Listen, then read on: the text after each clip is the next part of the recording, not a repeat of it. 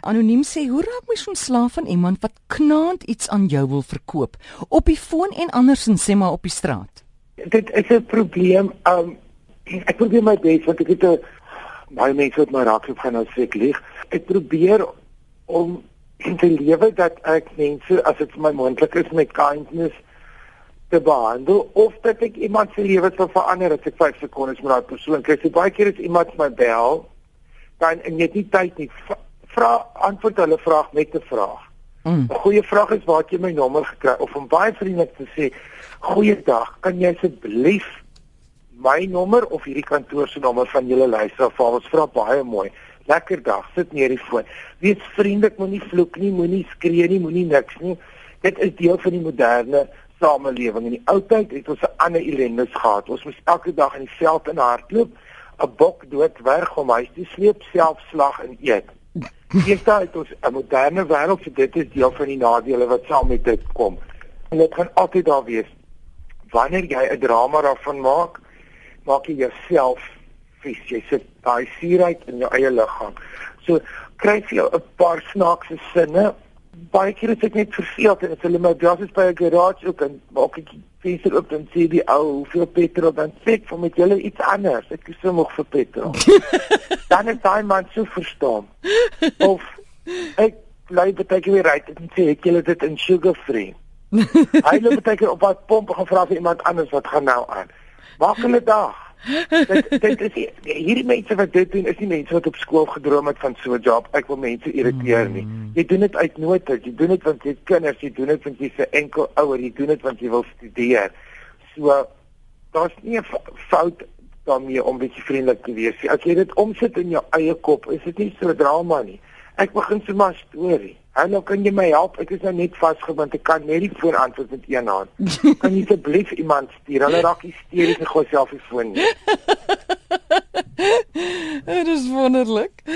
Hoorie eens iemand op straat sê maar jy, jy het ook al seker getoer in ander lande dan wil straatverkopers wel goed aan jou verkoop.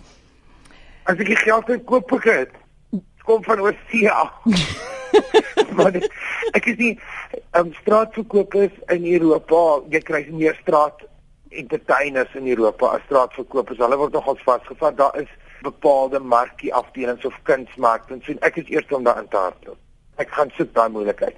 Maar jy kan nie regtig in die ontwikkelde lande so agter mense aan en daar iemand sleep vir jou weg terwyl voordat jy nou nog lastig is. Goed, laaste brief van Rudy. Hy sê wanneer mens nou glasies klink op iets, nê, jy iets vier of nie, maar jy sit aan 'n tafel, mens het mos nou die gewoonte, goed, kom ons drink op jou gesondheid. Moet jy letterlik daai glase te mekaar stamp of kan jy net die glas in die lug sit? Die reël is gewoonlik die ene wat dit wat dit reël is maak die fout. Die reël is jy doen dit dit verskil kultureel in baie lande. Dit kom van die feit af dat in sekere antieke kulture het hulle geglo dat jy in die Romeinse Griekse tyd niks hiervan is bewys nie, maar dis die bespiegelinge deur die eeue al. Dat in die Romeinse tyd het hulle mekaar teen so spoed vergiftig met wyn en hulle vyand as jy nie dalk in jou rug het nie jy gif kan jou wyn dat jy 'n glas stamp sodat daar van jou wyn mm. in die ander glas val. Dan kan jy sien of die of die ene wat jy wil vergiftig dit gaan drink of nie. Dis baie mense glo dis wat gedoen het. Ander ek glo ander kulture glo dat die geluid van die glas is 'n spiritual ding wat bose geeste en, en slegte gedagtes wegjaag.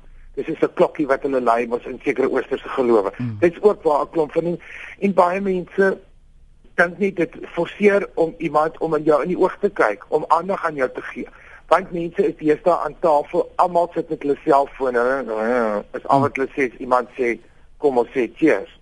So die die ding is om jou gasheer of die een wat die die toast of die heldronk instel te volg. Gewoonlik sê hulle, kom ons lig 'n glas of kom ons klink 'n glasie.